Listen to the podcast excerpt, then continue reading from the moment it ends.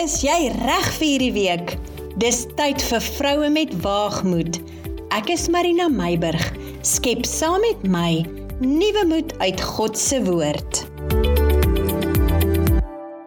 Ek groet jou vanoggend met 'n stywe druk en vertrou dat dit met jou goed gaan. Ek onthou van twee dogtertjies waarvan iemand my eendag vertel het wat baie goeie maatjies was.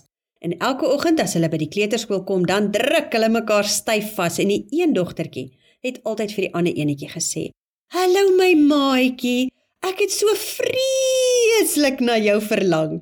Is dit nie dierbaar nie? Nou toe vriendin, 'n stywe druk vir jou. Ek het ook hierdie week wat verby is, vreeslik na jou verlang."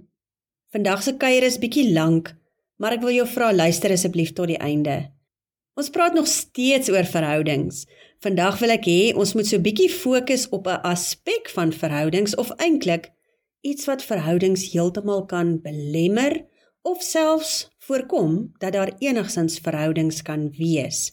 'n Tydjie gelede het ek en Fanie weer eens 'n indrukwekkende les geleer. Soms is dit nodig om op grondvlak met dinge gekonfronteer te word wat mens eintlik weet en in beginsel pas ons dit in ons harte toe, want dis mos hoe die woord ons leer. Maar soms, net soms, soos wat met ons die geval was, gly ons voet en dan val ons onsself nerf af teen die werklikheid van wat die beginsel van ons geestelike leefstyl behoort te wees. Hierdie les het so 'n indruk op ons gemaak dat ons sommer vir 'n paar dae daaraan herkou het en Soos wat ons bietjie weier oor hierdie gedagte gepraat het, het ons al hoe meer besef hoe algemeen dit eintlik in die samelewing as sosiaal aanvaarbaar beskou word. Hm, het ek nou jou nuuskierigheid geprikkel? Kom ek vertel jou. Ons praat vandag oor hoor sê. 'n Vriendin met wie ons 'n goeie verhouding het, het by verskeie geleenthede wat ons met mekaar gekuier het, verwys na 'n ander persoon wie eintlik 'n prominente geestelike rol vertolk in sy omgewing. En elke keer wat sy na hom verwys, is daar 'n negatiewe en half neerhalende opmerking teenoor hom. Nou, dit het ons nou nie geplan nie. Ons weet wie hy is, maar ons het nie interaksie met hom nie. Ons het eintlik in aanhalingstekens die persoon leer ken vanuit hoor sê uit ons vriendin se mond. Wat die vriendin oor die ander persoon opgemerk het in algemene geselskap, nie dat hy bespreek was nie, maar omdat daar interaksie tussen haar en hom is weens werk en sy in geselskappe oor werk na hom en hul interaksie verwys, het ons basies 'n opinie van hom gevorm vanuit hoor sê. Nie dat dit ons enigsins geraak het nie, het ons gedink, want Ons ken hom mos nou nie. So kom dit toe nou ook eendag dat ons in die persoon se geselskap beland en hom beter leer ken. Ons besef toe dat hy glad nie is soos wat die vriendin hom beskryf nie en eintlik is hy 'n baie nice ou. Ons verstaan hoekom sy sê wat sy sê, maar dat haar denkwyse haar ervaring weens haar denkwyse en gevolglik haar opinie van hom nie die persoon regverdig beoordeel nie. Eintlik het dit hom heeltemal eensaidig geklassifiseer. Nou ons klik toe nou eintlik lekker met hom en het so aangenaam saamgekuier oor ander gemeenskaplike belange asof ons ou vriende is. Op pad huis toe het ek en Fanie beide besef en daaroor gepraat hoe onregverdig hierdie hoorsê beoordeling van hom was. Want toe ons homself beter leer ken, was ons aangenaam verras en in die toekoms sal ons eintlik daarvan hou om goeie vriende met hom te wees. Vir 'n paar dae het ek en Fanny oor hierdie hoorsê gedagte gepraat. Ons was eintlik 'n bietjie geskok. En hoe meer ons daaroor praat, hoe meer het ons besef dat hierdie eintlik 'n ewel is in die samelewing. 'n Ewel wat mense uitsluit en eenkant plaas. Mense word emosioneel beseer omdat ander op hulle neersien. Hulle buite die kring laat, hulle uitsluit. hulle self soms vyhandig en afbreekend hanteer. Sommer boelie op hulle baadjie takseer. aan hulle nie geleenthede wil gee nie of sommer net eenvoudig verwerp omdat ons toelaat dat die mense rondom ons vullisblikke van ons ore maak met hulle rommel hoor sê stories. Vriendin, kom ons wees 'n bietjie eerlik. Ek weet dat jy opinies van ander het weens hoor sê en ek weet ook dat jy al in jou lewe die een was wat uitgesluit was weens ander se rommelstories wat jou benadeel het. Ons dink en wees prakties oor hierdie saak. In praktyk is dit waar dat ons nie met alle mense oor die weg kom nie. Dit kan wees weens persoonlikheidsverskille, verskillende kultuur of taal dalk, verskillende sosiale leefstyl en gewoontes, verskillende morele waardes of dit kan wees as gevolg van hoorsê. As ek en jy nie met mekaar oor die weg kom nie, weens die voorbeelde wat ek genoem het, of nog ander dalk waaraan jy kan dink. Is dit goed so? Maar as hoor sê die rede is, is ek en jy dalk in vir 'n verrassing. Ek en jy het die vermoë om mense te klassifiseer op wat ons hoor of sien, sonder dat ons 'n enkele woord met iemand gepraat het. En dan kan ons nog ander ook daarbey insleep by ons gevolgtrekking en hulle beïnvloed sonder dat hulle 'n enkele woord met daardie persoon gepraat het. Is ek reg? Jep, ek is reg. Ons oordeel mense sonder om aan hulle die voordeel van die twyfel te gee in beoordeling volgens God se woord en dit vind deur interaksie plaas. Hoor jy die woorde oordeel, beoordeel en interaksie? Ons oordeel en plaas 'n punt. Die gesindheid van Christus wil hê dat ons mense deur interaksie beoordeel volgens die woord van God en dan deur 'n geesvervulde leefstyl weer eens deur interaksie 'n lewe aanraak en verryk. As ons hierdie gesindheid handhaaf, gaan ons agterkom dat interaksie eintlik 'n tweerigtingstraat is. Interaksie raak aan en verryk in beide rigtings. Weet jy, selfs al dien iemand nie die Here nie en word in die samelewing geklassifiseer as selfs sleg, kan God ons paai laat kruis sodat daardie persoon hom kan vind deur interaksie. Indien wel, gaan ek en jy ook van hulle iets leer in die proses. Alle mense is goed in areas en sleg in areas. Deur interaksie kan my goed en jou goed en die een se goed en daai een se goed ons almal motiveer om beter te word. En dan deur die werk van die Heilige Gees kan ons almal se lewens aangeraak en verryk word sodat die sleg altyd minder en minder word.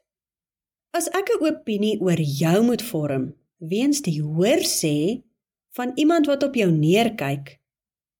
En dalk is dit as gevolg van jaloesie of afguns. Hoe arm sal ek nie wees in my lewe as ek jou nie leer ken nie. Jy het gawes en talente van die Here ontvang waarmee hy my lewe wil inkleur. Wil versterk, wil ondersteun of wat ook al. En dan mis ek uit op dit alles net omdat ek bereid was om toe te laat dat my ore vullisblikke word. Ek was op skool 'n regte boekwurm en ek onthou nou skielik van 'n storie oor vriendskap wat ek gelees het.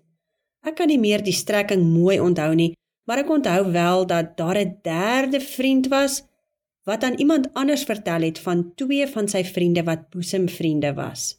En op afsonderlike geleenthede het hulle vir hom vertel van die ander vriend en hoe dit toe nou sy uitkyk op die lewe verander het.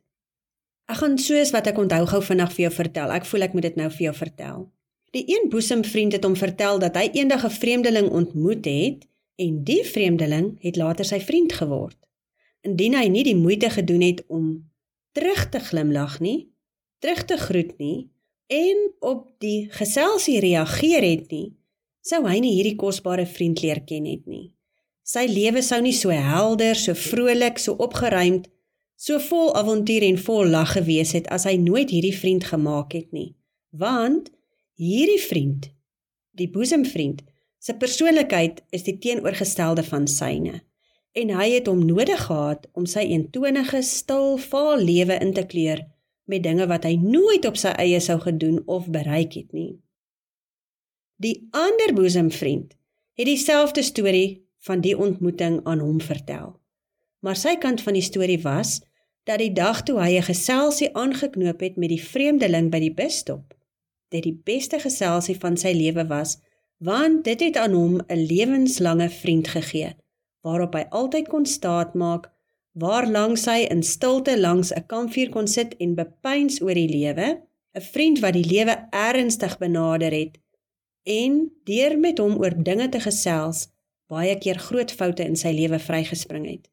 Ook dat die lewe nie net adrenalien en pret is nie, maar soms ook ernstig en hartseer en soms ook 'n bietjie alleen, maar dat dit alles normaal is en goed is om as mens te groei. Ek kan nou nie alles onthou nie, maar dit is nou wat skielik by my opkom. Ek glimlag eintlik met 'n warm gevoel in my hart as ek oor die storie dink. In die konteks van ons hoor sê onderwerp vandag. Hoe arm sou beide van hierdie boesemvriende gewees het as hoor sê en oordeel al lewenslange vriendskap verhoed het.